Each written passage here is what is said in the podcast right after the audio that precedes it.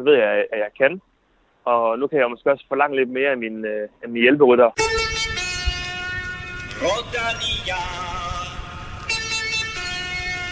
Rodalia.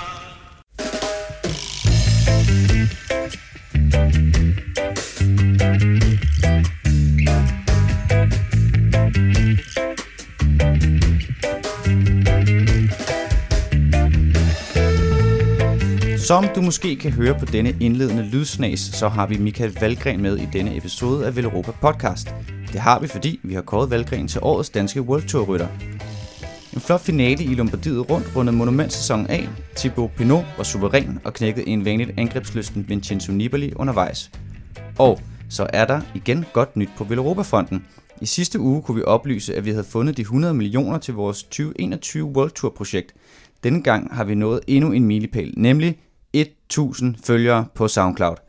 Det betyder lodtrækning om den fine præmie senere i programmet.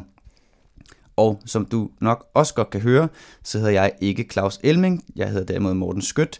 Elming er i USA, og nu tænker du måske NFL. Men han har faktisk endnu en gang prøvet at sikre sin favoritrytter Joe Dombrowskis underskrift til Velropa, men det faldt til jorden i går, og siden har vi ikke hørt fra Elming. Derfor sidder jeg her nu og skal forsøge at styre de to kampagner, Stefan Djurhus og Kim Plesner, godt igennem udsendelsen. Stefan, du har været øh, fraværende på det seneste, men øh, der har været en god grund. Ja, det har der. Jeg har øh, været inde og måtte sikre min øh, fremtid øh, og forsvare et, øh, et, et langt, langt special inde på CBS. Og øh, ja, det, øh, og i en sæson, der har været øh, øh, præget af mange skader og uheld på cykelfronten, så øh, nu ved jeg godt, du er en ydmyg type, men der kan jeg godt sige, at det gik rigtig, rigtig, rigtig godt øh, til det speciale forsvar. Ja, det, det gør det. Også som, som I måske hørte sidste, sidste uge, så var det en, en meget, meget flamboyant titel, øh, jeg havde fået, øh, fået skrevet, så... Øh, så der var ikke andet uh, for, end at gå op og, og tage 12 der. Sådan der. Så, så meget for ydmygheden. Øh, Kim Plesner, hvad hedder det? Altså, føler du dig lidt øh, presset nu, hvor Stefan er tilbage til rent faktisk? Er der en sådan konkurrent i quizzen den her gang? Nej. Sådan. Okay. Du kan som altid finde os på iTunes, SoundCloud, Spotify eller en anden podcast-app, du går og hygger dig med. Det er en god idé at abonnere på Villeuropa Podcast, så går du nemlig aldrig glip af et nyt afsnit, og smut også gerne forbi i appen og giv os en anmeldelse. Husk også, at du kan følge os på Twitter og på Instagram på snabelag og på facebook.com Villeuropa. Nu har vi jo allerede afsløret, at Michael Valgren er kåret som den bedste danske World Tour rytter i 2018, så er det ligesom officielt efter alt Kims øh, hemmelighedskrammeri de sidste par uger. Men uh, Kim, inden vi skal høre fra Valgren selv, så skal vi vel lige uh, gennemgå den rangliste, som uh, du har formet. Kan du ikke lige starte med at fortælle, hvad dine kriterier har været? Jo, man kan sige, at resultaterne er selvfølgelig kriterie nummer et, men, men det er ikke i lige så høj grad, men, men i næsten lige så høj grad forventninger til resultater inden sæson. Øh, om man har skuffet i forhold til det, eller om man har overrasket positivt. Så øh, jeg har egentlig lavet sådan mere en, en, øh, man kan sige top 5 er sådan en, jeg har gået virkelig i dybden med, og så kan man sige, vi kan også rangere helt ned til, til nummer 15. Vi har 15 danskere på World Touren, inklusive de to stagiaires, Mikkel Honoré og Jonas Gregor. Og øh, der har jeg sat Mads Wirtz som nummer 15, ikke fordi han sådan set har kørt de dårligste resultater hjem, men fordi forventningerne til ham måske er ved at være der, hvor han skal til at, at få noget gennembrud, ligesom, ligesom mange af de andre danskere. Og det er ikke rigtig kommet. Og så har det også været et hold, der har virket sådan relativt meget ud af balance, synes jeg. Ikke? Vil du tilføje noget, Stefan, til Mads Wirtz? Øhm, nej, altså, så det er rigtigt. Altså, jeg har også haft øh, store forventninger til ham, øh, specielt på enkeltstarterne. Øh, men, men som Kim også øh, hentyder, så, øh, så generelt så Katusha har skuffet øh, helt vildt. Så, øh, så jeg ved ikke, det, det, det virker som om, der mangler noget gejst og noget, øh, noget et eller andet bag holdet. Sådan et kollektivt breakdown der. Ja. ja. Og nummer 14 har Jonas Gregor, som kom ind på Astana, som netop har fået forlænget. Eller ikke fået forlænget kontrakt, men fået kontrakt for de to næste år. Men han har ikke rigtig sådan hverken til VM eller Lavinia eller sådan i, i løbende for Astana her i efteråret gjort sådan det helt store væsen af sig, kan man sige. Jeg havde så, tredjepladsen i Valde Osta, som også i, er et stort... Øh, eller sommeren, ja.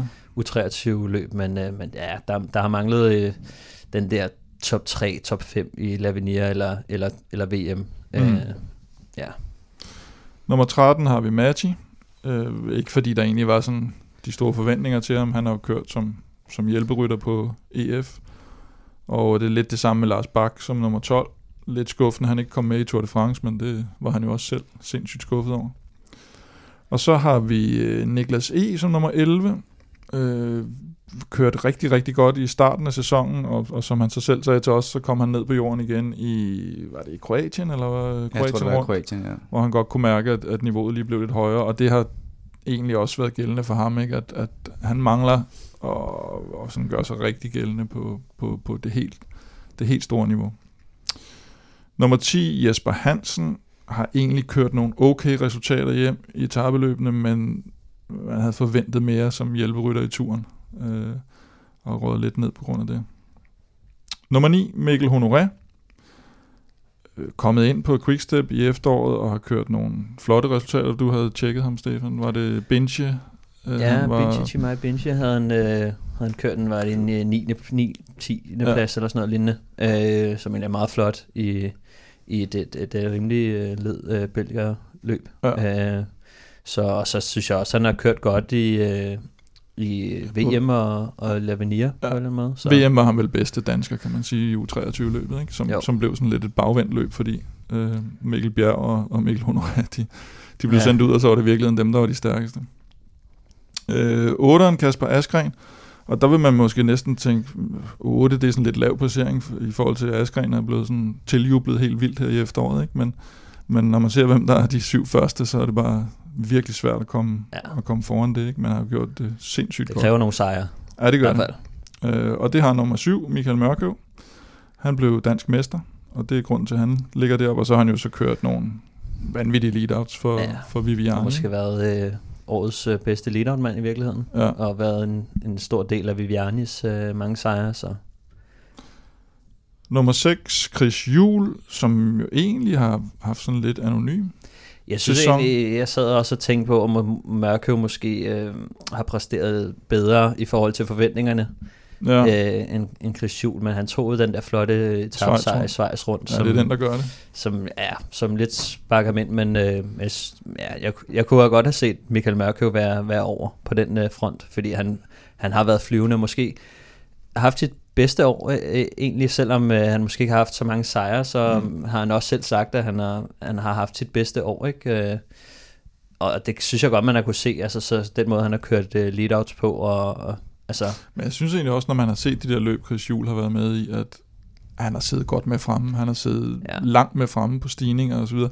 Men han er jo ikke rigtig med i så mange finaler, på nær lige i Schweiz rundt. i Schweiz selvfølgelig. rundt. Men altså ja, han er, han er jo også typen, der, der er den der dieselmotor, og, Mm. og er lidt fastskruet som, som hjælper, ikke? Så, men, øh, men jeg synes, man så øh, virkelig tegn på, på styrken i, i Schweiz rundt, hvor han bare kørte, kørte solo hjem på en, øh, Ja. På en regnvåd øh, etape. ikke? flyvebane Ja. eller et eller andet.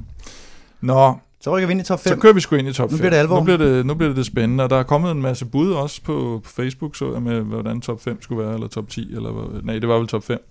Øhm, Fuglsang, faktisk, på femtepladsen. Mange har ham højere.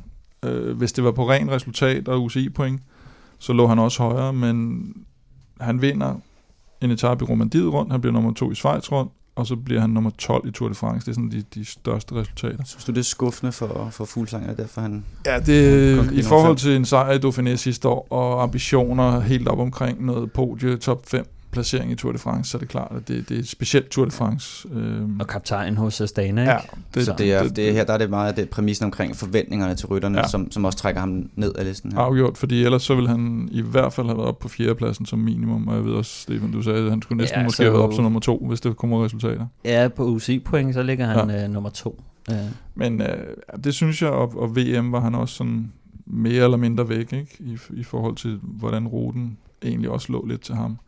Så øh, jeg synes også, udmærkede resultater sådan set, eller lidt tilbage til den gamle fuglsang måske i virkeligheden, det ved jeg ikke. Mm. Mm. Ja, det gør men jeg synes også, man, som jeg sad og kiggede på hans resultater, så altså, han har været i form siden uh, Valencia rundt i starten af februar, ikke? Så jeg tænkte også på, der, der er også lidt en grund til, at han måske er lidt træt i, øh, til ja. VM, fordi at hvis han allerede har været i, i superform og blev nummer, jeg kan ikke huske, om det var to-tre stykker i Valencia og nummer fire i uh, Ruta del Sol, Ruta som Sol, begge ligger i februar, så er det sådan, åh, det kan også godt blive en lang sæson at være på toppen, ikke? Fordi han Jo. skulle også køre øh, Liège, og, og, de, og Mm. altså der skulle han jo være i god form, og så skulle han være i god form til turen, og, Ja. og så begynder det lige pludselig at, at kunne mærkes bagefter, ikke? Øh, Men jeg talte med Anders Lund lige inden VM, og han, der sagde han i hvert fald, at, at Fuglsang havde meldt ud, at han følte sig sådan overraskende frisk faktisk, og. Ja. og godt kørende. Men, men både, både VM og Lombardiet viste jo, at han, han var ikke helt der, hvor han skulle være i, i de to løb i hvert fald. nej. Nå, nummer 4, det, øh, der har jeg Mads P. Øhm, og det er klart, på, på rene resultater, der vil han nok ikke være over Fuglsang, men, men, men den der anden plads i Flandern rundt, det, er- det er, det er simpelthen så voldsomt et, øh, et resultat for, for Mads, der er 22 år nu. Og, og også overraskende, at øh, altså det, det tror jeg sgu ikke rigtig, der var nogen, der havde, der havde regnet med. Og så vinder han den der Eurometropol, eller hvad fanden den hedder, og vinder trods alt også en etape i Danmark rundt. Han vinder allerede i Herald Sun Tour i starten af året, hvilket man nærmest har glemt. En etape der, og så vinder han Fyn rundt. Så igen har han, han har også en af de typer, der har sejrene, øh, og i forhold til mange af de andre ryttere. Øh, men, men det kunne være spændende at se ham lige tage skridtet lidt længere op næste år, ikke? Og, og køre lidt mere konsistent på World Tour niveau. Jo, jeg tror også, at, man, øh, altså nu bliver han jo to i Flandern rundt. Jeg tror, det, altså det er svært ligesom at, at skyde meget højere. Svært ikke? altså, selvom øh, altså, han kunne, altså, han kunne have lige så godt have vundet, ikke? Havde han siddet Jo. med øh, Terpstra øh, på den stigning der. Og så øh, vinder han. ja. Så, så kunne han nok godt have vundet, fordi Terpstra er jo ikke en skarp afslutter, som, Nå, som Mads, som har vist, at han vandt jo Fyn rundt ved at, ved at spurte fra Mørkøv, ikke? Så, jo. så han har virkelig afslutterevnerne, men, men øh, ja, jeg synes, at jeg tror, man, hans rolle bliver større og større, det tror jeg er sådan en del af det. Nu ser han jo, i- man har min, en to kløver med Støjven, ikke? Ja. Så, øh, så Jo, og har også kørt nogle gode resultater. Var det i Bing Bang, de lavede det der træk? Ham og Støjven, eller hvad Ja, var det ja. for et løb? Ja, men jeg synes, det, det er en rigtig god duo, de to. Ja. Øh, og jeg tror, de kommer til at splitte lidt mere, øh, end de før har gjort. Ikke? Altså, Mhm. I starten var det meget mas for, for ham, og Mm. så begyndte man at se, at Støjven offre sig lidt i Danmark rundt, og Mm. nogle af Ja, de det der så løb. man allerede sidste år. i Ja, 2017. ja, det gjorde man nemlig. Så, så jeg tror, at man får at se, at, her- at dem kommer lidt mere op på lige fod nu. Øh, og så, så tror jeg, det kan blive, det bliver rigtig godt makkerpar. Mm. Nummer tre har jeg så sat Søren Krav. Og øh, det var meget tæt med, mellem nummer to og tre, synes jeg. Og han vinder selvfølgelig Paris Tour, det kan alle huske. Og 6. etape af Schweiz rundt vinder han. Også flot solosejr. Og så, jeg havde næsten glemt, at han kørte i ungdomstrøjen i, øh, i syv etapper i Tour de France. Ja. Men det gjorde han altså også. Ja. Og så lavede han den der top 5 på enkeltstarten i Tour de France, som jo, som jo sådan isoleret set, hvad modstand var, og, og på højt niveau resultat, måske næsten var det jo noget af det flotteste, han, øh, han laver hele sæsonen, sådan styrkemæssigt.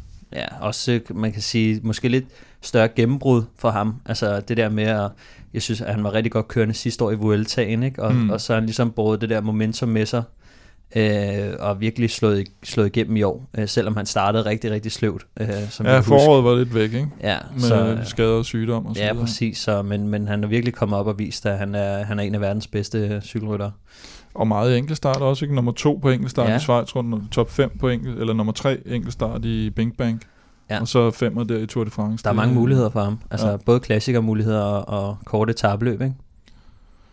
Jo, jo. Nå, nummer to, så har vi jo, så, det har de fleste nok gættet på nuværende tidspunkt, det er Valgren og Etter. så er der en World Tour rytter tilbage, og det er Magnus Kort. Han vinder største sejr selvfølgelig, 15. etape af Tour de France, som, som øh, vores øh, første placerede Valgren også havde en, en stor andel i. Men så vinder han altså også i Tour de Yorkshire, han vinder i Bing Bang Tour, han vinder i Oman, og så bliver han toer og øh, vinder ungdomskonkurrencen i Dubai Tour, og så kører han altså også øh, top 10 i Milano Sanremo. Ja. Hvor han jo også havde lovet at forbedre sit resultat fra sidste år, hvilket han så lige, lige præcis gjorde med en 8. plads. Øh, og det... Jeg synes også, Magnus har man også lidt en tendens til at glemme nogle gange i, i det der selskab. Mm. Men at han, han er jo... Når han kommer hjem med nogen, så vil, altså i, i små grupper, så vinder han jo nærmest Ja. stensikkert. Så man også i turen. Fra spids. Ja, men, Ja. nå, men altså, man, man vidste, jamen, den tager han, den der. Ikke? Ja. Ja, jeg synes, at han er kommet lidt til kort nogle gange i, i nogle af de sådan hårde, hvis han har kørt klassikerne og sådan noget. Men, øh, men jeg synes alligevel, altså han viste øh, med tabsejren i turen, at øh, ham og, og Valgren, de, de godt kunne være med, når det også gik opad. Mm. mm. jeg synes nogle gange, så det overraskede mig lidt at se ham komme til kort, når det blev, altså når der kom stigninger på og sådan noget, fordi at, Er det med vilje, du siger, kom til kort? Det er den anden gang, du siger det, Steffen. Ah, Nå, okay. Så skal vi grine. hvad hedder det, øhm, men som jeg kender ham, så er han faktisk rigtig god til at køre, køre opad og, og på bakker, og så det overrasker mig lidt at se. Men, øh, men jeg synes, Jo, han, men som du siger, så skal han, skal, jo- han skal jo tage et skridt op i klassikerne også næste år næsten, ikke? Ja. Øh, Altså, nu, nu er han alene på Astana. det er tydeligt at se, at han er gået mere efter at forbedre sine sprinteregenskaber. Øhm, Mm. men, øh, men han kan også mere end det, og det så man også i turen. Øh, så, øh, så det bliver spændende at se ham næste år. Altså, jeg håber, at han kan, han kan forbedre sig lidt på, på, på det andet aspekt også, fordi at jeg tror, at der ligger nogle større sejre for ham. Øh, Ja. Og han begynder at blive sådan en mand, som man helst ikke vil slippe med hjem til stregen. Øh, Nej, det Så. vil være, det vil være dumt. Nå, og nummer et har vi afsløret. Michael Falgren. Øh, Amstel Gold Race, omløb, top 5 i Flandern, fjerdeplads. Nummer 7 i VM i Innsbruck, hvor han jo længe lå, lå helt i front, og, og var ham, der skabte hele finalen, stort set. Og så bliver han toer i den der Britannia Classic, som også var, hvad var det, efter Narsen og foran... Ja. Fanden blev træer der. ja, de var sammen med. Det var, det var de store navne, ikke? Ja, og, og køre top 10 i de to uh, World, Cu- World Cup løb i Canada, som også altid er virkelig stærkt. Uh, Ja. Og som han også, uh, uden at skulle afsløre for meget selv, siger senere, uh, at han har kørt stærkt hele året. Og bare taget. Jeg tror, det var Vellens, han kom til mål med sammen med Ja, Narsen, var det ikke? det passer nok meget Ja. godt. Så der var egentlig ikke sådan... Jeg vil sige, inden han lavede VM-resultatet, der synes jeg, han lå sådan alligevel nogenlunde tæt med kort, resultatmæssigt. Valgren. Vi så på, sådan, hvad de havde... Er det fordi, du, du vægter en Tour de France etape sejr lige så højt som omløb som, eller Amstel? Nej, eller? som Amstel måske næsten, ikke? Altså en turetappe sig er virkelig også, altså det er også sådan internt i feltet, også det der med at få kontrakt på det og sådan noget, der, der betyder den jo virkelig meget, fordi der er så stor eksponering omkring den. Øh, Amstel, hvis man skal sige nogle af de der klassikere, så er det jo den yngste trods alt. Altså det er ikke en Flandern rundt, øh, og i Flandern rundt bliver han fire, så det er ikke en sejr og sådan noget, men, men, men stadigvæk overordnet set, der, der havde han sgu nok vundet, vundet Ja, ja, alligevel. øh, Efter, øh, hvad hedder det, Amstel omløbsejr og øh, en fjerdeplads i Flandern, så, øh, så havde jeg nok allerede set ham dengang Ja, ja, til at være, øh, hvad hedder Ja. det, årets Og jeg mener, VM var ligesom det der sådan, altså, så er der bare slet ikke nogen tvivl. Det var der ikke i forvejen, synes jeg. Nå, okay. Men, øh, men jeg vil sige, til VM, der, øh, ja, der, der, der, der puttede han lidt glimmer på, ikke? Jo, men også det der, som, som vi også taler om senere, at han, nu er han bare deroppe ved de helt Ja. store.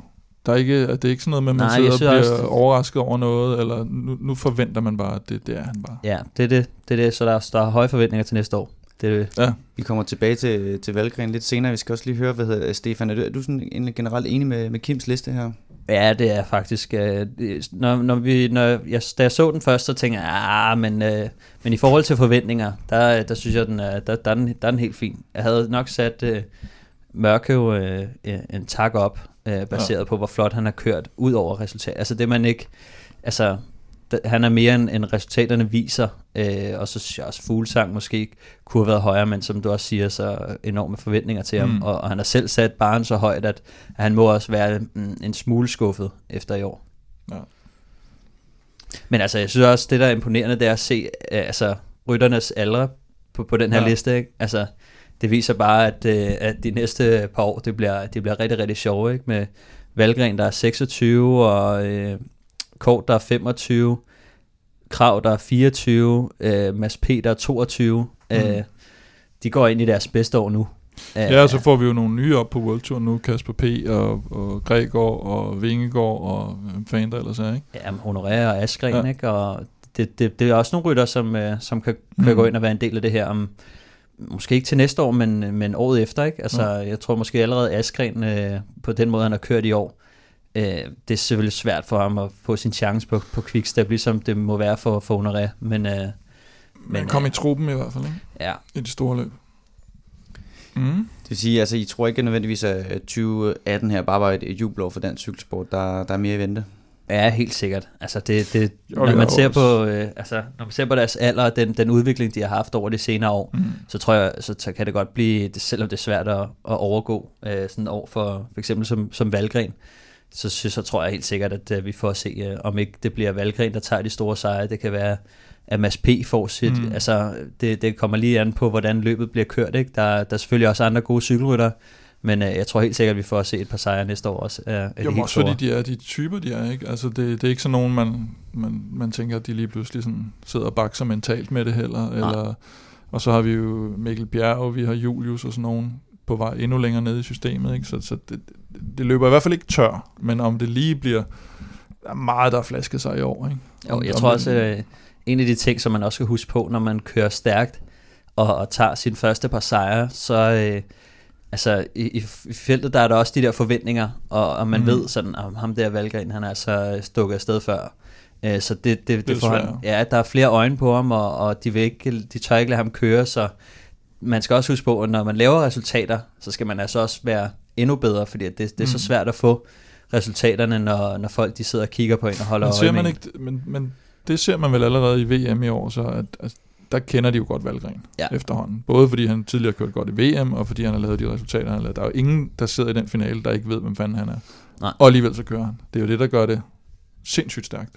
Ja, men jeg synes også, de reagerede sådan, altså, der, de kørte måske ikke super stærkt på den stigning, øhm, men, øh, men jeg synes, at øh, de, de, de, de ramte panikknappen i hvert fald, da mm. de kom hen over toppen. Øh, der kunne de godt se, at nu, ja, nu skal det være stærkt. Frem og... Ja. ja. Øh, men altså, det, det, det er bare det, der, der, der er så fandens svært, ikke? Øh, når, når de først kender en. Altså, det, der får man bare ikke lov til lige så meget. Øh, Nej, jeg kender det godt. Og så, så, så ender man selv med at sidde med sine egne forventninger. Også, og så vil man også gerne sige sådan, om jeg er stærk nok, og så må jeg lige lukke det her hul og sådan noget.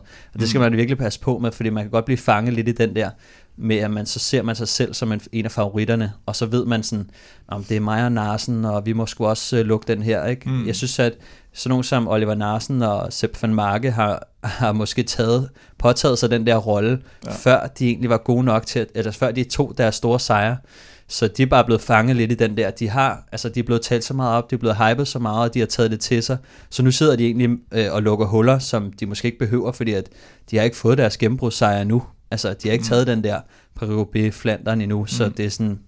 Men så er det også, det skete for Sagan for, for ja, præcis. Tilbage, og han begyndte også selv også at, at tude lidt over det. Jeg synes, det var, at de andre kørte på ham, det var og det han helt fik store, ikke lov til noget. Ikke? Det var det helt store eksempel, hvor man bare kunne mm. se, at, at han påtog sig den rolle, og alle de sad og tænkte, at hvis Sagan er her, så kører vi ikke og så rykker vi på skift. Og, øh, så og det var det, Van Avermaet udnyttede jo den sæson. Præcis. Han tog bare hele lortet, ikke? og så året efter sagde han, nu gider jeg ikke, gider ja. ikke køre efter mere. Altså det, det, det, det kræver nogle gange, så ja. bliver man sgu nødt til at sige, jeg gider ikke det her spil længere, og så må man bare kyle, ja, så må man sige, det fuck den. Altså, det så, så man i Gent Wevelgem der, hvor vi havde den der Terpstra, øh, Søren Krav, hvor de sidder, hvor så kan man sådan, så kan de bare køre. Ja. Jeg gider ikke. Præcis. og, og det var, så, så, så, så vendte det for ham. Og det er det, man skal give de andre, det der chok, at, at det, sådan, det er ikke bare mig, du sidder mm. her også, og du har også, altså, du har også kørt uh, cyklen helt, uh, helt til front, ikke? Og så er det sådan, så bliver man nødt til at, at lave sådan en en gang imellem, fordi at, uh, ellers så, uh, så, så fortsætter man bare med at lukke huller og, og tabe cykelløbet, ikke? Så det er nogle gange det nødvendigt.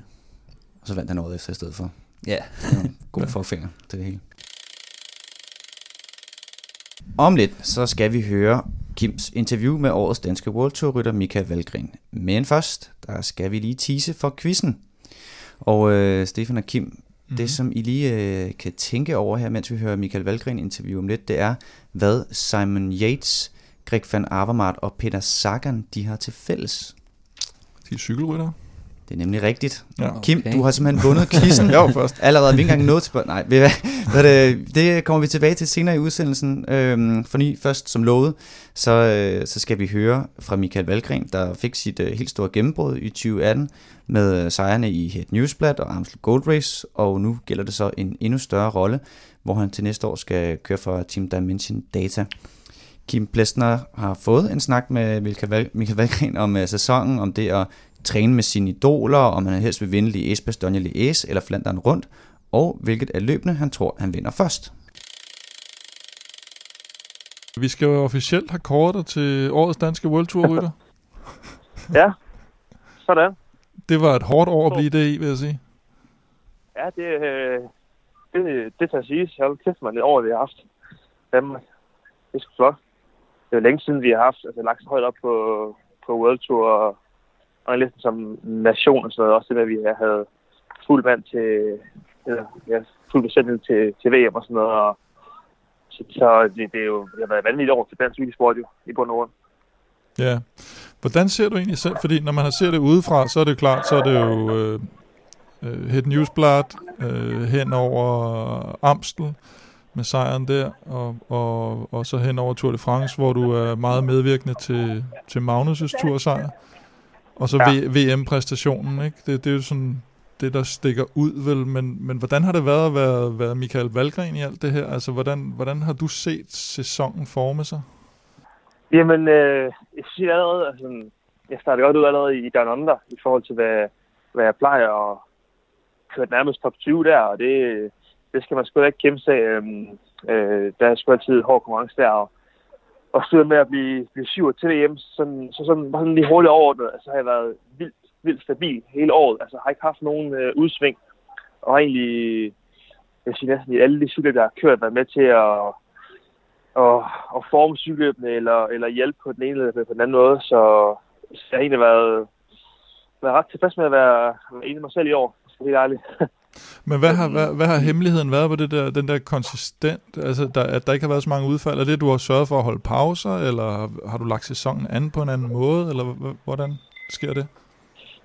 Jeg tror simpelthen bare, at det kommer til, at man, jeg er et år ældre, øh, og så øh, lette mig til at bo nede i Monaco og, og leve bare i et miljø der, der, dernede, som, som gør, at man, man altså familiekommende bliver en, en god cykelruller. Øh, og så øh, et godt bagland, altså min, min forlovede altså, har også bare, hun har haft travlt med, med hendes øh, studie og sådan noget, så har jeg bare haft, haft meget mere tid til at kunne fokusere på mig selv. Det, det skal man jo bare som, som cykelrytter. Det er jo lidt en individuel sport, når, man, når det kommer til, til, til, til træning. Altså, du er jo kun så god, som du egentlig øh, træner der, der, der det kan man sige. Altså, øh, nogle gange så siger den der, den der ekstra time måske det er ikke den, der lige giver noget, men, øh, men jeg tror i sidste ende, så tror jeg, altså det er jeg godt, godt give ud. Altså jeg øh, skal ikke lægge syv, for jeg måske er en træningsnarkoman. Det, altså jeg, jeg får bogført nogle kilometer, det gør jeg. Ja. Så det er lidt på den, lidt på den gamle måde at træne på i, i virkeligheden? Det er sådan en kombination, ja. Altså, jeg er ikke så god til at holde fri i hvert fald. Det er ikke, øh, det er ikke mange hviledage, jeg har på, på et år. Altså, øh, så det er sådan en blanding af en gammel måde med mange timer og kilometer, så også øh, nogle dage, hvor den bare får en heldig masse intervaller. Så, så det, det, det er bare lagt på land, tror jeg. Altså, jeg tror, jeg tror egentlig, det, det er hemmeligheden. Det er bare hårdt arbejde i, i, i bund og grund. Og så passe sin, øh, pas sin, sin sengetider, det, det er jeg også god til. Det kan man selvfølgelig ikke kæmpe sig af. Og det du siger med, at du, du godt kan lide at træne, sådan, når, når, du, når du står over for de der ture, og der er sikkert mange, der, der tænker sådan, ah, i dag kunne jeg godt tænke mig at blive hjemme, og det har jeg ikke indtryk af, at du er, men er det, er det så det der med, at du, du virkelig bare kan godt lide at cykle, eller er det det, at du har et, øh, et mål inde i dig, at det er det, der driver dig ud på, på cyklen? Det er en kombination, fordi jeg vil sige, i, øh, da jeg boede i Danmark, der var det, der var det ofte øh, et mål jeg havde, da jeg kom ud at cykle, fordi jeg havde et, øh, et mål på sæsonen, hvor jeg gerne ville være stærk. Men efter jeg flyttede, så, øh, så er det bare meget sjovere at cykle. Jeg ved ikke, om det er fordi, det er bare fedt at køre i udlandet og, og i, øh, i bjergene, og tiden går bare meget stærkere. Altså, så tager den ene time bare den anden. Øhm, fordi jeg har også de her dage, hvor man tænker, ah, i dag der gider jeg sgu ikke, og så kører du ud alligevel. Og så bliver bare betaget af det, og så får du en skide god træning, træning uh, anyway. Så og det er igen det der med, at miljøet bare er meget federe, når det er altså, godt vejr, det er kort, kort, og du har øh, bjergene i baggrunden, og, og havet på den anden side, altså, så bliver man sgu bare glad. Det, det gør man. Så du nyder det lidt mere nu? at træne? Ja, det gør jeg. Det og, hvad med, og hvad med dem, du træner? Du har jo trænet også både med Richie Port og Chris Froome og, og de andre, og Fuglsang går jeg ud fra, der, der bor nede i Monaco. Er, er, er det også en, en inspiration, der, der, der løfter dig? Ja, det er det helt sikkert. Øhm, jeg, jeg ser stadig op til alle de der rytter, du, du nævner der, og for mig er det jo, det er jo nærmest en drøm at komme ud og træne med dem hver dag, selvom de er mine kammerater. Så kan man godt stadig sådan knipse i armen, at sådan Richie og Jaron Thomas, den der, de gider, og, gider at træne med mig, og, og sådan noget, det synes jeg jo er, er mega fedt, men jeg får også bekræftet i, at jeg måske er en, er en fin fyr, når de tager med mig hjem og får en kop kaffe, og vi spiser aftensmad sammen, sådan noget, også konerne og sådan noget. Så det, det er jo mega fedt, man kan, man kan hygge sig uden for, uden for, for cykling også, at vi også er, er venner der, og det, det, det, det er bare fedt. Ja, hvordan er det nu at være, fordi nu vi, vi, vi talte også lidt sammen, eller skrev lidt sammen om det der med, at du var blevet nomineret til øh, årets cykelrytter i den der Velo d'Or, øh, meget mm. prestigefyldt mm. sammen med de helt store navne. Altså, nu er du jo den. Altså, det er jo også det, vi skal sidde og regne med, når vi ser dig øh, i cykelløbene. Så, så skal vi jo ikke blive forundret over, at du laver et godt resultat til VM, fordi du er bare deroppe. Er det, det må alligevel være lidt mystisk at, at lige pludselig være den. Ja, det er det også.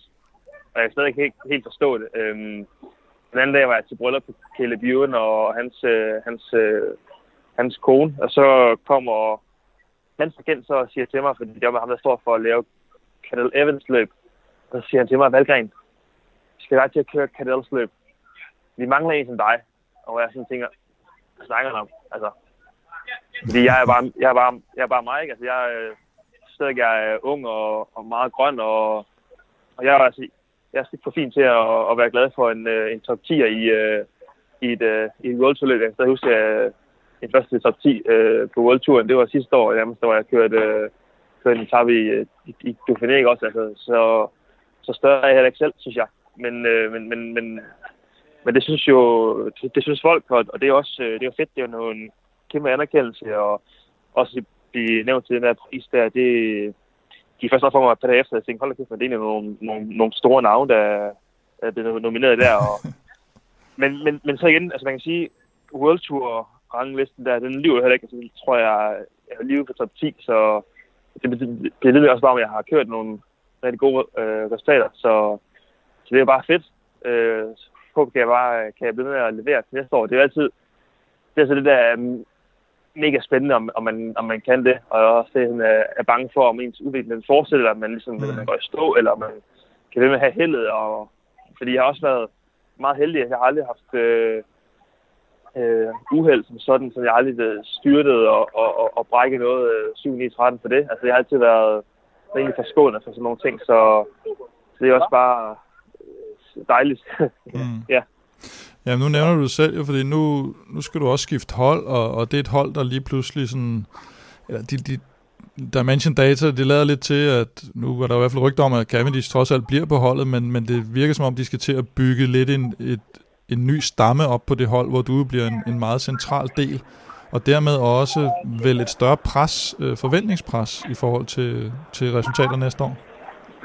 Ja, helt sikkert. Øh, men det, det, det, det har jeg også selv til mig selv, øh, for nu ved jeg godt, nu ved jeg, at jeg kan.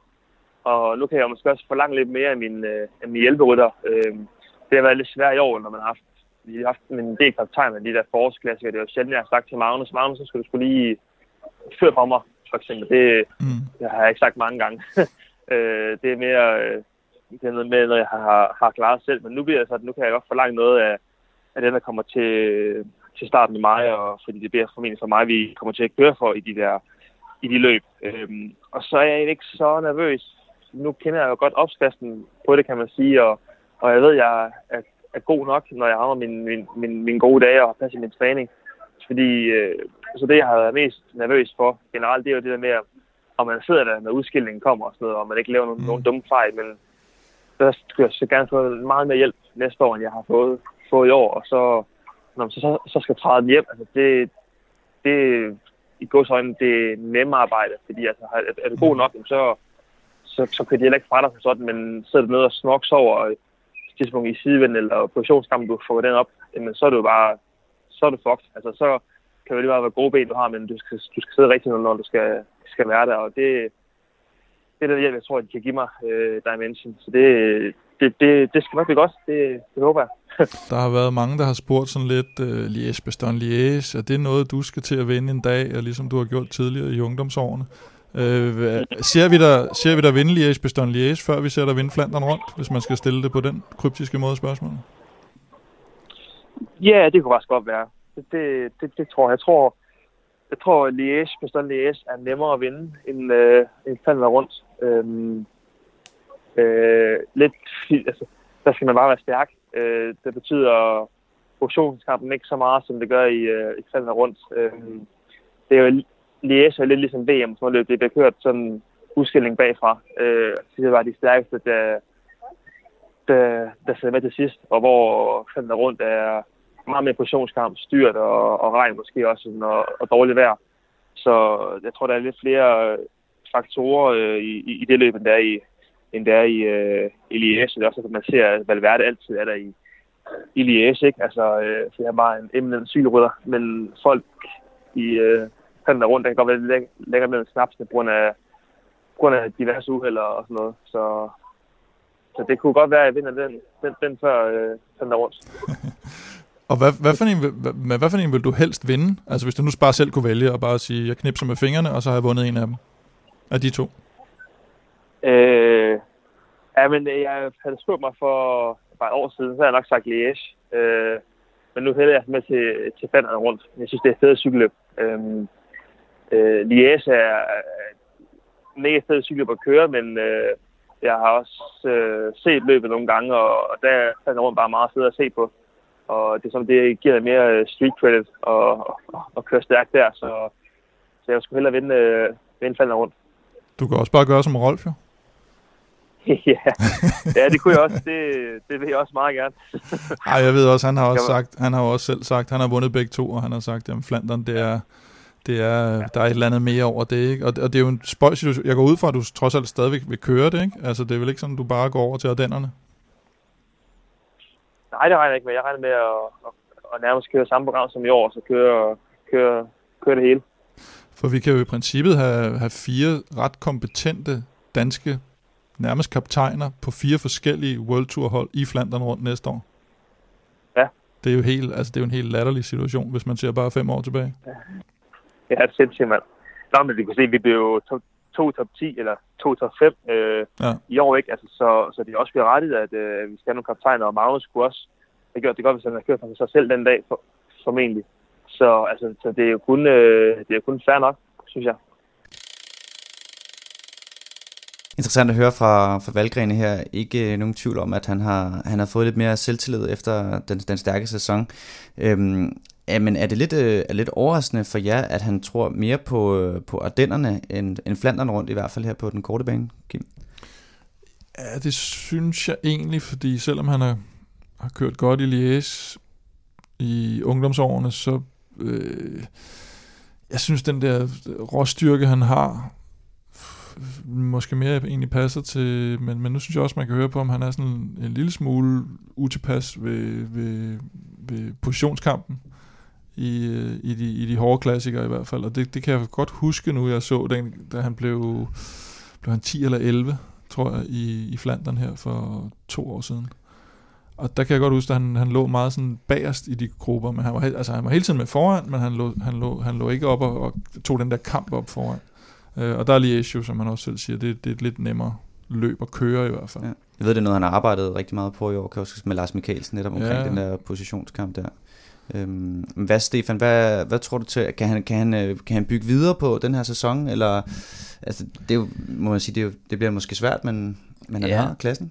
Ja, det har han. Altså, han har jo vist, at han er blevet det stærkere, og nu er han en af de bedste. Øh, så jeg forventer da at se ham med, om han lige får taget lige så altså lige så mange resultater som i år, det, det er svært at spå om, men øh, jeg sad og kiggede lidt på, øh, på det hold, han ligesom kommer til at køre på næste år, hvor han jo blandt andet bliver holdkammerat med Lars Bak selvfølgelig, så der får han jo en god træningskammerat. Øh, men øh, udover det, så er der jo også hans øh, gamle fjende, øh, Gasparotto, som engang ja. stjal øh, sejren fra ham. I, der er Kreuziger også, ikke? Øh, hans gamle Amstelvenner. Så er der jo øh, Borson Hagen også, Øh, som Men tør vi sige over for Nord, hvis vi nu har nogle enkelte norske lytter, at, øh, at Borsen Hagen skal køre som øh, hjælperytter for Michael Valgren. det vil være... Ja, det er, så, det er så et spørgsmål, om de så splitter den der, hvor Borsen Hagen får lov at gå efter... Ja, efter lidt det, som Kort og Valgren havde hos Astana. Altså, man skal ja. se på sæsonen i år, så er der vel ikke nogen tvivl om, at Borsen Hagen må være hjælperytter for Valgren, hvis man bare kigger på, hvordan ja. de har kørt ja, i år. Ja, men jeg tror også, man skal se på de samlede meritter, der ligesom er. Bare fordi jo, man har et de, godt år, så betyder det ikke, at man fader helt ud. Altså, øh, Nej, de er to forskellige typer, ikke? der godt jo. kan få noget ud af hinanden. Ja, så er der også en, øh, jeg synes også, at der er en, øh, en Julian Fermot, som også har kørt godt for, for Quickstep, er en mm. ret god øh, sådan klassikerrytter, når han egentlig kommer i gang. Øh, ja. Måske lidt mere hjælperytter, men øh, og så, så er der til sidst også en, øh, en Tom Hjelte Slagter, som også før har gjort det godt i Ardennerne, men må måske ikke lige har været der senere på men, men en rimelig slagkraftigt øh, mandskab, han kommer ind på i forhold til, når man ser på Astane-holdet, som, som jeg synes har overpræsteret i, i år på en eller anden måde. Ik, ikke at sige, at de ikke er gode nok, men, mm. men det, er, det er rytter som Lutsenko og, ja, det er sådan, og Oscar Gato og sådan nogen, som måske ikke lige har haft de største resultater selv i forhold til, til de her drenge. Mm. Så, så det bliver måske lidt svært for ham at, eller sådan, at, at bryde igennem på det hold, øh, selvom han, han efter sine skulle have fået en større rolle. Øh. Jamen, det tror jeg, jeg tror nok, han får kaptajnrollen, men det, jeg, jeg synes egentlig, det, altså, det er en stærk både Ardenner og, og Brostens ja. øh, sæson, de kan gå i møde der. Men øh, jeg, jeg er faktisk ikke overrasket over, at han, han går mere efter Liège, øh, som, øh, som, som vi også snakker om før. Mm. Øh, så, altså, han har vundet Liège, ungdomsliège to gange, mm. øh, og tror også, at hans, at hans store drøm at, at tage den øh, i, i seniorklassen. Men den er, den er stejl, den sidste stigning også op i Ans der, ikke? Øh, mål. Jo, altså, men Hvis han du skal, har... uden at være det der, ikke? Så, skal du, eller så skal du nok afsted. Jamen, han ja, bliver for helvede også for gammel på et tidspunkt. Altså. nope. Ja, jeg synes, at Alaphilippe han viste i år, at øh, han kunne godt være der. Ja. Øh, men, han skal øh, nok angribe den lidt forfra, ikke? Altså, hvis jo, han skal, eller bare ned i bunden, øh, eller et eller andet. Øh, men, øh, men altså, det er et løb, han kan, og man har det med at knytte sig lidt til, øh, til de løb, man, man, man laver det godt i. Øh, så man, man har nogle gode oplevelser, og man, altså, det bliver lidt... Øh, det bliver sådan lidt romantisk, den måde, man ligesom har kørt på, ikke? Så knytter man ligesom an og får et forhold til det cykelløb, så, mm. så det, det har han jo i, i forhold til Liège i langt større grad end, end Flandern, så, øh, så jeg tror, at øh, helt sikkert, at Liège øh, sejren kommer før, øh, han begynder at sådan, bryde igennem i, i Flandern, hvis han gør vi sidder, det. Vi sidder og snakker om, hvornår det er, han vinder. Ja, jeg skulle lige til at spørge, vinder, sige, vinder Valgren et, et monument? Kommer han til at vinde et monument? Altså næste ja, år, eller bare i... Ja, måske allerede næste år, hvis jeg ikke. Han kommer 100% til at vinde et monument på tidspunkt. Jeg, jeg tror, tror allerede næste tror år. Du tror næste år? Jeg tror næste år Liège. Vi laver vedmål om det. Ja. Den der skal give Kim, du, siger, du siger anytime. hvad, hvad, hvad, så skal du gætte på et andet monument? Nej, nej, men du siger bare, at han vinder det næste år, og jeg siger, at han ikke vinder næste år. Okay. Det er fint med. It's on. Ja. Så er det med det alle monumenter så? Ja, ja. Så giv mig alle sammen. Det okay. kan også være Lombardiet. Du får også mit ja. Remo. Fint. Og der er et gåsebryst på højkant. Ja. Er det det, vi hører? Ja. Så er det officielt. Ja. Stærkt. Jamen altså, det bliver i hvert fald øh, virkelig spændende at, at følge Michael Valgren til næste år på, på sit nye hold, Dimension Data. Og så nåede vi det om sider, den øh, lange følgetong om øh, den helt store lodtrækningspræmie. Øh, vi har nemlig nået 1000 følgere på SoundCloud. Det er jo en kæmpe milepæl i øh, Velropas historie. Altså, ja, det, det, det må være en af dem, du, du husker tilbage på, når det er en af dem, der... en, en gammel mand, ja. en ældre mand. ligesom da du vandt klubmesterskabet. Tak fordi du nævnte det. Ja. øh, og, øh, og vi skal nu have, have trukket lod om den øh, efterhånden ret store præmie, ja. der består af, hold nu godt fast, en Veloropa-kasket, UFO Drip Chain Coating fra Ceramic Speed. Og det er ikke olie, det er drip. Det er drip. Yes, præcis. Så er det en øh, Krikilion t-shirt, det er Veloropa sokker, det er Michael Rasmussens bog Gul Feber, og så er det hovedpræmien, tror jeg godt, vi kan sige, en kopi af Stefan Djurhus' speciale opgave, som hedder Moderne styring af den latente EU-skepsis i den danske offentlighed. Boom. Altså en 12-tals, en 12-talsopgave for CBS. Det er sgu ikke hver dag, man får, man får fingrene i, Ej, i sådan en der. Det er altså ikke. Så, øhm, Har vi så, fået nævnt, hvad den opgave hedder nok i den her udsendelse egentlig? Ikke helt nok, synes jeg. Jeg, jeg tror ikke, ikke nok til, at nogen faktisk. kan huske det. Oh. Men øh, Stefan, vi skal lige høre, altså må vi overhovedet øh, tilbyde den her præmie her nu, og vi bare komme til at udlove den? Ja, det synes jeg, øh, kan man... Øh, kan, kan, det kan have, være optional måske. ja, hvis man gerne vil have den, så er der, ligger der altså 177 siders ren ondskab øh, et sted. Jamen, det kan man jo ikke sige nej til. Hvad hedder det? Øhm, Kim, skal vi ikke... Uh, skal vi åbne kan... bowlen? Ja, lad os åbne bowlen, hvis du... jeg tror ikke, vi, kører, vi kører tombolaen. Ja, det gør vi. Er der nogen, der har en lyd til det? Sådan. Og det blev øh, Jesper Jensen, der vandt. Jesper Jensen. Ja. Så øh, hvis du hedder Jesper Jensen, og du følger Veloropa på SoundCloud, der er så, mange, der er forvirret lige nu. Ja, ja der, der, der, der, Jesper Jensen. der er syv Jesper Jensen derude, der, der tror, de har vundet. Men der er en bestemt Jesper Jensen. Han har og, slips på ham her, kan jeg sige, på billedet. Det er Jesper Jensen med slips. Og han går lige fodboldministeriet, det bakker vi jo lidt op omkring. Øh, så ja, Jesper, Jesper, Jensen med slips, hvis- han får en øh, besked for os. Jesper Jensen, øh, tjek din SoundCloud. Der kommer en øh, besked der Ja, det gør der. fra Kim. Øh, og så kan vi lige finde ud af, hvordan vi får tilsendt alle præmierne til dig, inklusiv moderne styring af den latente EU-skepsis i den danske offentlighed. Ja, Thibaut Pinot vandt sit første monument, da han i lørdags kørte først over stregen i ensom majestæt i Lombardiet. Pinot og sidste års vinder, Vincenzo Nibali, var kommet afgørende afsted i finalen, men efter et par forsøg fra Pinot fik han skovlen under Nibali, der så ud til at gå helt i stå, da han om sider knækkede under for presset fra franskmanden. I en hård finale var der helt udsolgt hos blandt andre Jakob Fuglsang og Romain Bardet, mens verdensmesteren Alejandro Valverde heller ikke kunne sidde med helt fremme. Men altså, et godt vedløb trods alt, og, øh, og Stefan, altså en øh, Thibaut Pinot, som, som virkelig har fundet formen her i slut på sæsonen. Hvad, du, hvad synes du om hans sejr? Jamen, han har, han har virkelig kommet, kommet stærkt tilbage, øh, siden han, øh, han gik under øh, for, øh, hvad var det? Han, han, det var noget dehydrering eller Ja, et eller andet. Øh, ja, han har været helt, øh, han var helt væk, blev røget på hospitalet og har haft en længere, længere pause, men efter han er kommet tilbage, har han virkelig, øh, virkelig været, været godt kørende, ikke? Og, og man kan bare se den måde, at de kører sted på til at starte med, og han bare konstant bliver ved med at Ja. lægge pres på, på Nibali, og han, han kigger jo nærmest ikke engang på ham. Altså, det er bare tegn på, at han ved, at, øh, at formen den er der, ikke? Og, øh, og bliver bare ved med at, med at sætte tempo og, og, og køre lidt i ryg. Og, øh, og Jo, det, man så det allerede i, i Milano Torino, Ja. hvor vi jo selvfølgelig også lige, det havde jeg faktisk ikke glemt, men altså ikke alligevel, men David Godys øh, helt fantastiske hjælperytterarbejde, ja. hvor, øh, hvor, hvor Pinot ligger fremme med Lopez og Valverde, og så tager, øh, så tager Gody lige øh, Lopez ud, fuldstændig. Takler ham som en...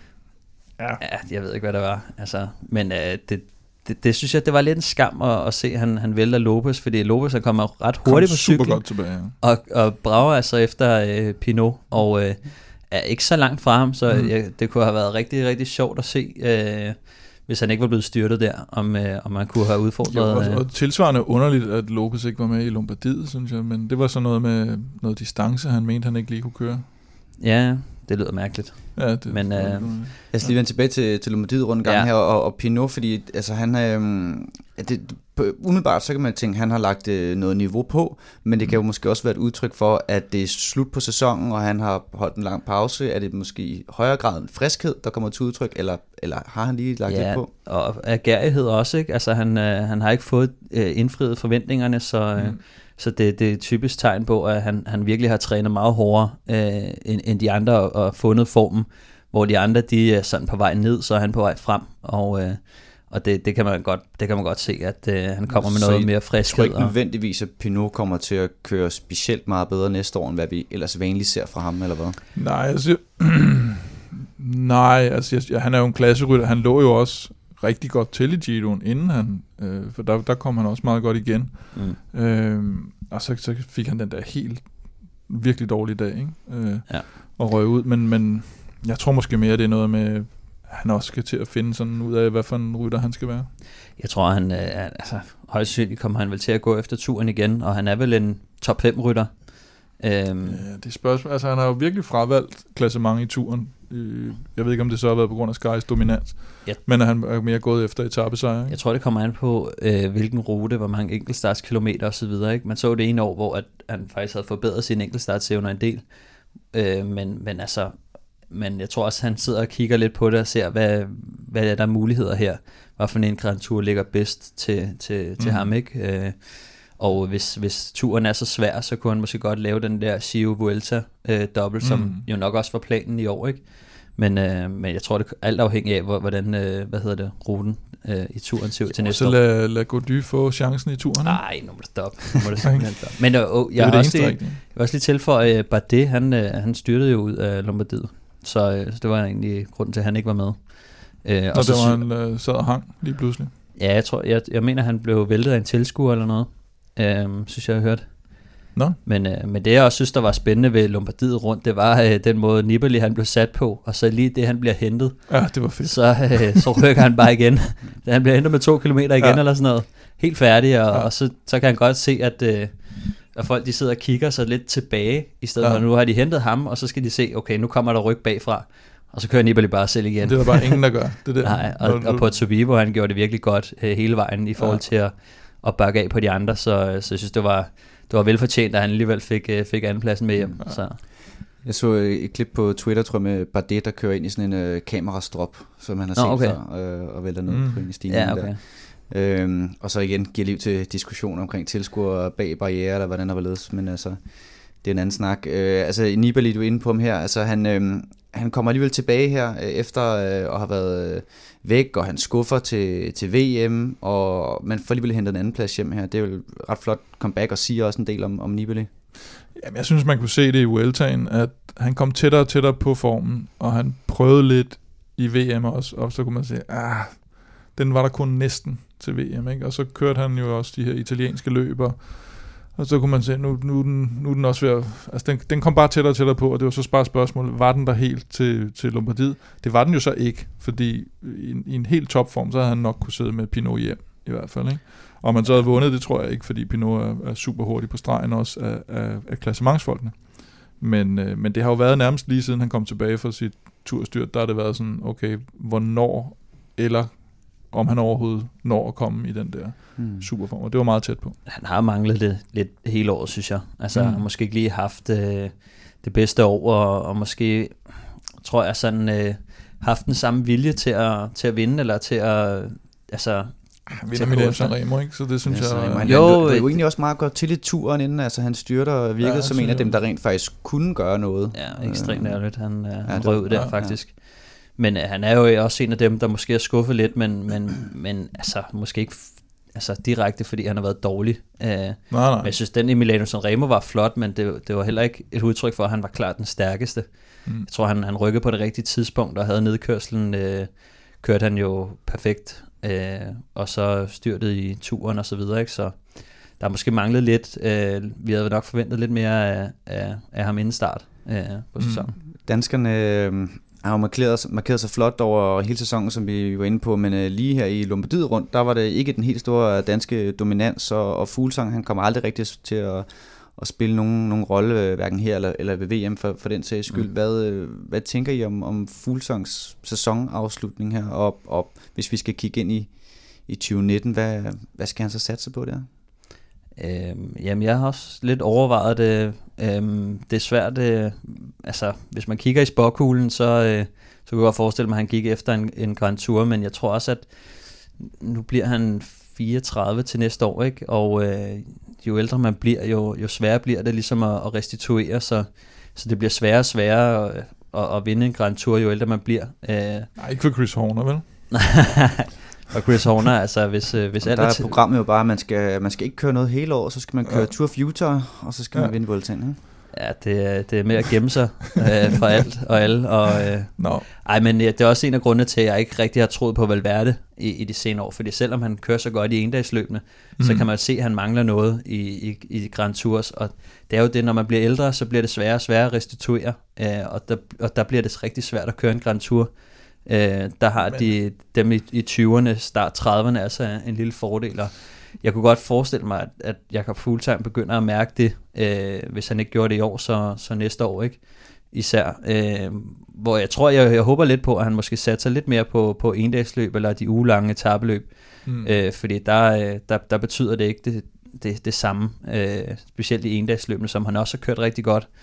Øh, kunne godt lidt håbe, at han måske vil, vil gå lidt mere den vej, øh, Mm. fordi at det Jo. bliver svært også med det hold, han kommer til at være på næste år, ikke? Øh, Jo, og det, det var jo vel også i år, han, altså, han fik virkelig chancen, ikke? Ja. og han havde selv øh, bagt op til det, og, og, og, og kørt efter det, og fik mulighederne, og, og det, det er måske svært at se også, som du siger, på holdet. Øh, kommer Han- Lopez ikke til at overskygge ham nu? Øh, han kan selvfølgelig ikke køre alle tre Grand Tours, det er klart. Men spørgsmålet om han får den her chance mere, som Han fik jo også kaptajn. chancen året før. Der var det bare, at Ardo han lige pludselig ombestemte Ja. sig, og gerne ville køre turen også. Og så, Ja. og så lå de lige pludselig side om side der, ikke? jo, Så man kan sige, at han har i hvert fald haft to år, hvor han har fået en sådan kaptajnrolle i, mm. i de store løb, ikke? Og, og, og der må man sige, at den, den, den har måske ikke lige helt været der. Altså nok til, at Og så, Ja, han var de- næsten bedre det år, hvor han styrter, altså sidste år end i år, hvor Ja, han virkelig præcis. havde, Mm. Altså alt på et Ja, ja, og det er nogle gange også lidt, øh, nogle gange så, så kan det også gå for godt, ikke? Altså, øh, hvor at nogle gange, så, så, så skal der altså lidt, øh, nogle gange så ser man at skader eller lidt uheld, det kan nogle gange bringe det bedste frem i, mm. i rytterne, ikke? Øh, som vi så med, med Pinot her, er jo et ja. godt eksempel på, at øh, altså, når, når der kommer nogle svære tider, så har man det altså med at komme tilbage med, et, med et brag, ikke? Så ja. Jeg ser ham helst med de der ugelange etabeløb og, og gå all in ja. på dem, som det er også bare lidt, det, det er bare lidt en flad fornemmelse, for der er ikke rigtig den der helt store, øh, altså så er det sådan noget som kriterium du Dauphiné, men det er også stort, fordi det ligger lige inden turen. Nå jo, øh, men du kan jo stadigvæk være med i turen og køre efter etappesejr for eksempel. Ja, det er rigtigt, det er rigtigt. Og det bliver jo næsten set mere end en syvende plads ja. eller en 12. plads. Samlet, det, det, er måske også det der med lige at tage et gear ned, og så, så præstere øh, rigtig godt der. Ikke? Ja. Øhm, men, øh, men ja, nu må vi se. Nu er vi nået til det sted i podcasten, hvor Elming han plejer at brokse over, at der mangler en jingle. Vi er nemlig nået til siden sidst. Øh, men i forhold til hele den her jingle-sag, Kim, der, der er jo faktisk lidt nyt at fortælle. Jinglegate. Jinglegate, der ja. er sket nyt. Jingle er bells. Øh, jamen, der er kommet jingler. Ja. Lige pludselig. Sådan. Jingler i flertal? Der er kommet flere. Hold da op. Øh, så nu synes vi egentlig lige, det gik så godt med, at der kom nogle stykker, så nu, nu, nu tager vi lige og ser, om der kommer flere, og så, så laver vi sådan en med hård hånd og udvælger en og siger, det er den. Ja, ja. mere vil have mere.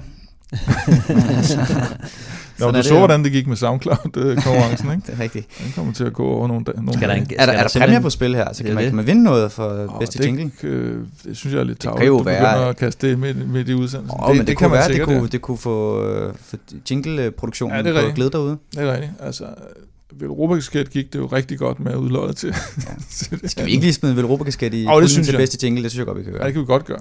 Ja, sådan. Øhm, det vil altså sige, at du, du har stadig chancen derude for at give dit, uh, dit jingle-bidrag, inden at vi uh, inden for de, de kommende uger prøver vi uh, at udvælge den, uh, den bedste jingle, uh, og så kan du altså vinde en, en Veloropa-kasket, hvis du er en god jingle-komponist. Øhm, nu hvor vi er ved øh, siden sidst, så, så spurgte jeg lige Kim inden udsendelsen, om vi lige hurtigt skulle vende Hammer Series, og der fik jeg simpelthen bare klart, nej, det skulle vi ikke. så, øh, så nu vil jeg spørge dig, Kim, hvorfor, hvorfor skal vi ikke vinde Hammer Series? Nej, men det, det ved jeg ikke. Jeg, jeg, jeg har ikke rigtig orket at, at, at få min hjerne rundt om det koncept endnu. Og, har du set det? Og, jeg så noget af det på et tidspunkt. Ja, jeg sad også, øh, jeg sad også og tunede lidt ind på det, og det, det, det var sådan lidt noget råd, synes jeg. Jamen det, øh, det var også det der. Og, sådan og, lidt, ja. Så tror jeg, hvad billedkvaliteten, det var sådan noget 240 pixel eller sådan noget. Det var sådan helt Nå. skørt. Altså du kunne bare se uh, firkanterne i billedet, ikke? Det var dårligt produceret, eller hvad? Altså, ja, det var i hvert fald dårligt filmet. Var, var, det, var, på, var det på tv, eller ja, var det på så, så tv. Nu så jeg det fra Nå. Hongkong her, der var det okay kvalitet på. Nå, så du det i Hongkong? Ja, jeg var ikke i Hongkong. Nej, jeg var ikke. Ej, der var rigtig god kvalitet. Der var rigtig god kvalitet. Jeg havde briller på hele året. okay, det Ej, jeg, jeg synes, det var bare øh, generelt dårligt, men jeg synes bare, konceptet har bare været flat. Altså, det har været sådan lidt... Var der ikke også noget med, så, så havde Quickstep vundet, og så havde de ikke vundet alligevel? Eller Lefebvre var ude igen, og med noget, men det er han så tit selvfølgelig. Ja. Men Kim, eller, Stefan, du havde, du havde en pointe i forhold til det noget med holdene og økonomi og alt det her. Altså, ja, jeg synes, det er meget ærgerligt, at, øh, at, at at det er sådan lidt ny, altså det skal laves noget nyt koncept og øh, pointløb og spurt på, på stregen og sådan noget. Altså det er jo nærmest noget banepointløb, de, er, de har mm. lavet, ikke? Og sådan, og en, og en holdforfølgelse eller et eller andet. jeg ved ikke, de er blevet inspireret fra banen eller et eller andet. Men jeg synes, altså når man egentlig tænker på det, så hele projektet, det er jo egentlig startet, fordi at de gerne vil prøve at, at skabe nogle flere penge til cykelholdene. Mm. Altså det er jo, øh, cykelholdene er gået sammen i et firma, der hedder Villon, mm. øh, som, hvor de gerne vil prøve at skabe noget mere, øh, hvad hedder det, content. Altså de vil gerne skabe noget mere indhold, noget de kan noget mere værdi, øh, sådan øh, nogle, nogle interviews og, og vise noget data, nogle vattal og så videre, så man ligesom kan give noget og mere til sport. On, on-board cameras. Præcis, øhm, og øh, det, det synes jeg egentlig var meget fedt, fordi at, øh, det, det handler jo om for cykelløbende, de vil gerne prøve at, at få nogle flere penge, og de bliver nødt til at gøre et eller andet for at skabe noget værdi. Og et af de projekter, som de også har startet, det er så det her øh, Hammer Series, hvor det er det her Velon, øh, som arrangerer cykelløbet, og der kan man sige, at cykelholdene får øh, noget tv-penge og så videre. Mm. Øhm, men det, det er bare så fandens kedeligt at se Det på, virker lidt jeg. som om, det er meget sjovt at køre, egentlig. Det er måske meget sjovt at være med til, Ja, og, og de hyper det lidt også, og det, men det, jeg, jeg ved ikke, og det, det bliver sådan lidt for kompliceret at kigge på. Lidt Ja. ligesom sejlsport eller sådan noget. Det er bare sjovt at, det er Ja, rigtig sjovt at følge med i. Men jeg synes bare sådan, det, det er fedt at, at se dem. Jeg har længe siddet og, og tænkt på, at, at cykelholdene, de lukker jo hele tiden, skal ud og finde sponsorer og sådan noget. Øh, og det, det, det, er jo, det er jo en, en uholdbar øh, struktur, der er i cykelsporten, Mm. hvor at øh, arrangørerne tjener alle pengene, og cykelholdene, de, øh, altså, de får, hvad der er. Altså, og de har længe bare været sådan magtesløse i den kamp, Mm. øh, fordi det ligesom er Tour de France, der har navnet og brandet og, og det hele, men, men jeg synes, uh, cykelholdene, de har jo egentlig, altså det er jo dem, der kommer med, med rytterne, altså, mm. Og, og, og der mangler nogle penge i cykelsporten, så jeg synes egentlig, konceptet er, er fedt. Øh, altså, eller sådan, det, det med, at de prøver ligesom at skabe noget værdi for cykelholdene, Absolut. så de kan få en, en bid af tv-pengene, men, øh, men de burde egentlig bare lave nogle almindelige cykelløb, synes jeg. Altså, de burde lave nogle almindelige cykelløb og øh, komme på, øh, komme på, komme på World-turen. Og mm. øh, altså, jeg, jeg er så drastisk, øh, så radikal, at, at jeg godt kunne finde på, altså jeg, jeg vil hellere se øh, dem starte et nyt Tour de France, altså jeg er egentlig Ja. sådan set ligeglad med, om det er Tour de France og alt det der.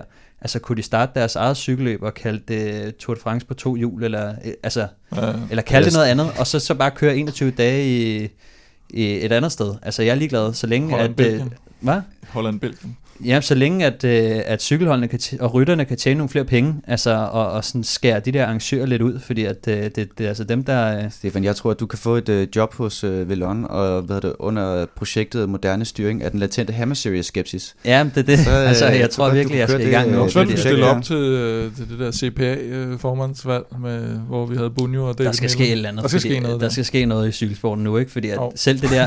Nu har jeg hentet Velon, de har jo deres egen app, hvor ja. du kan gå ind og følge løbet live, og man skulle kunne se data og sådan noget, øh, og, og interviews og, og optagter og kommentering og så videre. Men øh, den er ikke helt op at flyve endnu, så vidt jeg Mm. kunne se. Altså, den, er den spiller ikke helt, men jeg synes, ikke- altså konceptet er ret fedt med, at når du sidder og ser et cykelløb, så kan du logge på appen og følge cykelløbet live og se tider, og du kan se vattal og så videre. Så egentlig så synes jeg, det, det er ret fedt, hvis jeg kunne sidde og se, um, hvor hurtigt kører Valgren lige nu til VM. Mm. Altså sidder han og kører 450 watt, ikke? og hvor længe kan han holde det videre. Det synes jeg vil, for, for cykelnørder er det jo, er det jo vildt fedt, uh, Mm. hvis man kunne se det, eller sidde og se onboard kamera uh, live uh, med, med dem, der sidder og jagter, eller, eller fra en spurt og sådan noget. Det er jo et sindssygt fedt koncept. Uh, Mm. så, så jeg håber egentlig, de kan få det op at flyve, men de, de burde også tage den det længere og, og begynde at lave deres egen, deres egen cykelløb. Altså, Fuck the UCI. ja, nej, eller, eller bare, ah, altså UCI har jo ingenting at sige, altså det er jo så latterligt, altså de har bare regelsættet, og, og så er det Mm. det ikke, men altså, de burde jo egentlig, øh, de burde jo egentlig begynde, ligesom i, i alle andre sportsgrene, der er det ligaen, der har altså rettighederne, Mm. øh, og så, altså, og det, det, det er bare i cykling, der er det, hvad hedder det, ASO og, øh, hvad hedder de, RS, RCS Sport, RCS i Italien, ja. Øh, der har alle rettighederne, tjener alle pengene, og så, øh, altså, så er det bare gøjlerne, der, der bliver inviteret, ikke? Mm. Og så, øh, så er det bare dans. Øh, Vildere klovn, vildere. ja, ja, men... Øh, Det blev en længere snak om noget, vi slet ikke skulle snakke om. Og, øh, og, og ej, det var, øh, det, det, det, var, det var vigtigt, synes det var meget relevant. Jeg synes, det er super, Ja. godt, super godt input, Stefan. Øh, men vi, skal, vi har jo en quiz, som Åh, vi, skal have, Uha. vi skal have kigget på, ikke også? Uh, nu Og ved jeg, nu- hvad det er.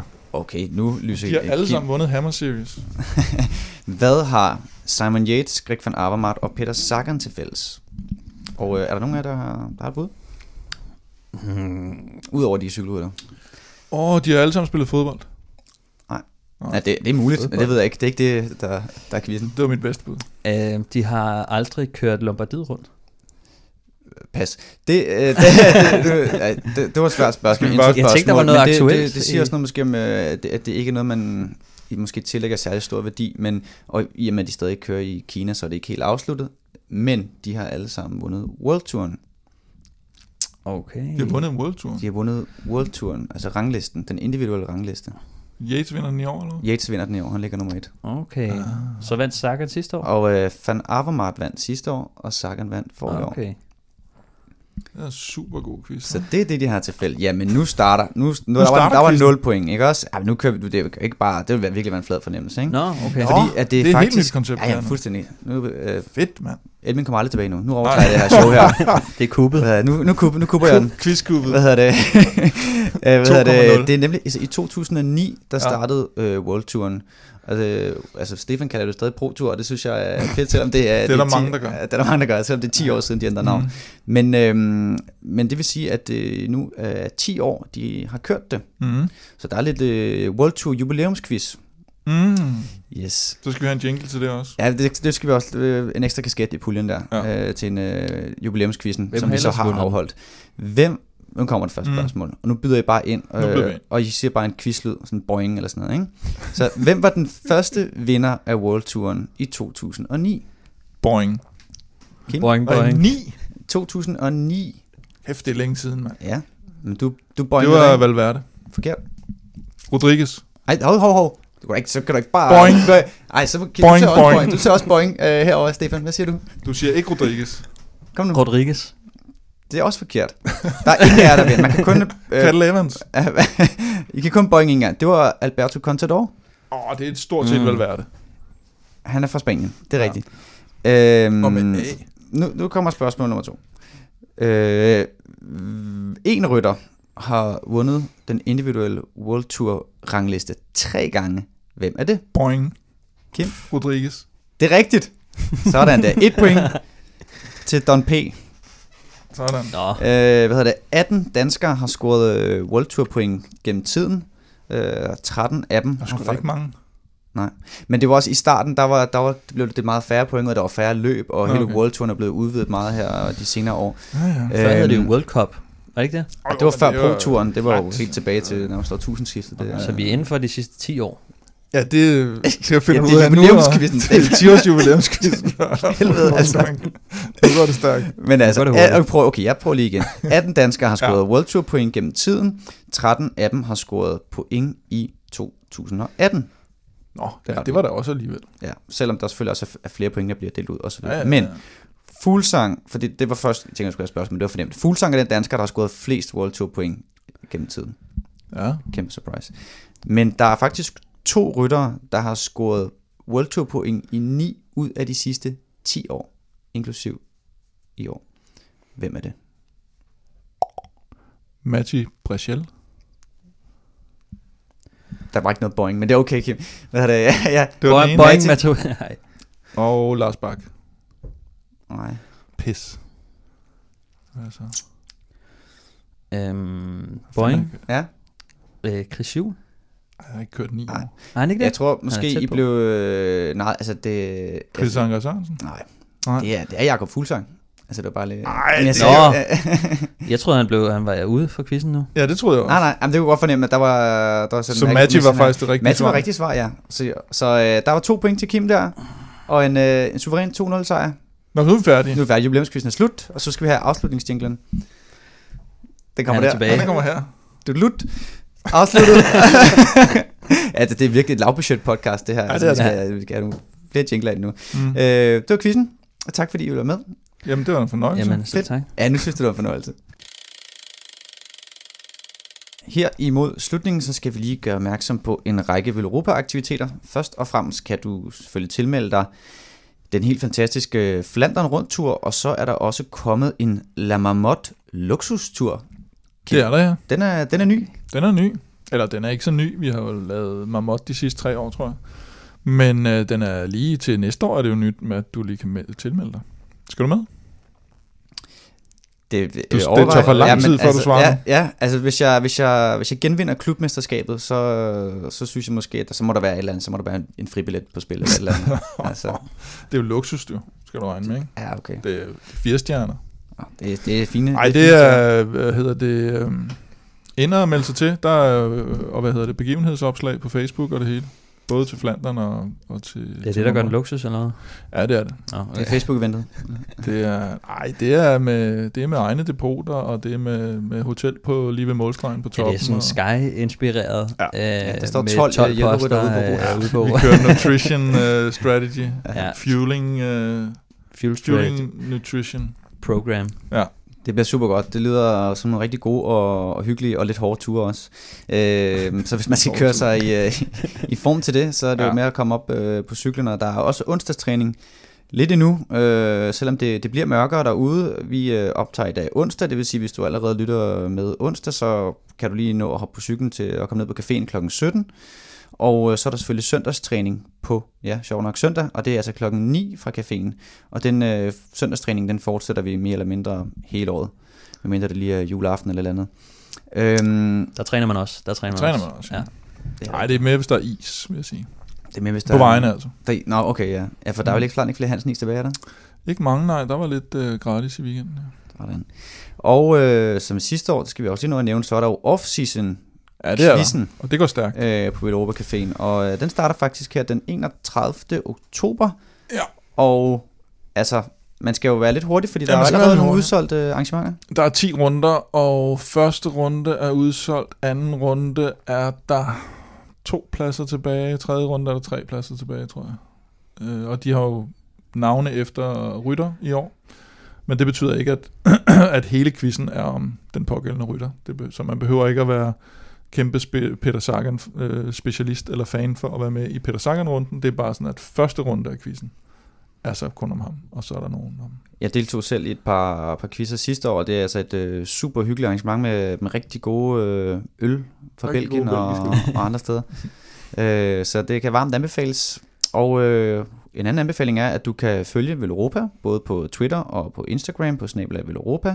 Stefan kan du finde på Stefan Djurhus, og undertegnet kan du følge på snabela mskoett. Der er okay. de der øer i efternavnet, ikke? der gør så simpelthen så www-venlige. Men øh, tak for nu, og tak fordi, at I lyttede med. Thank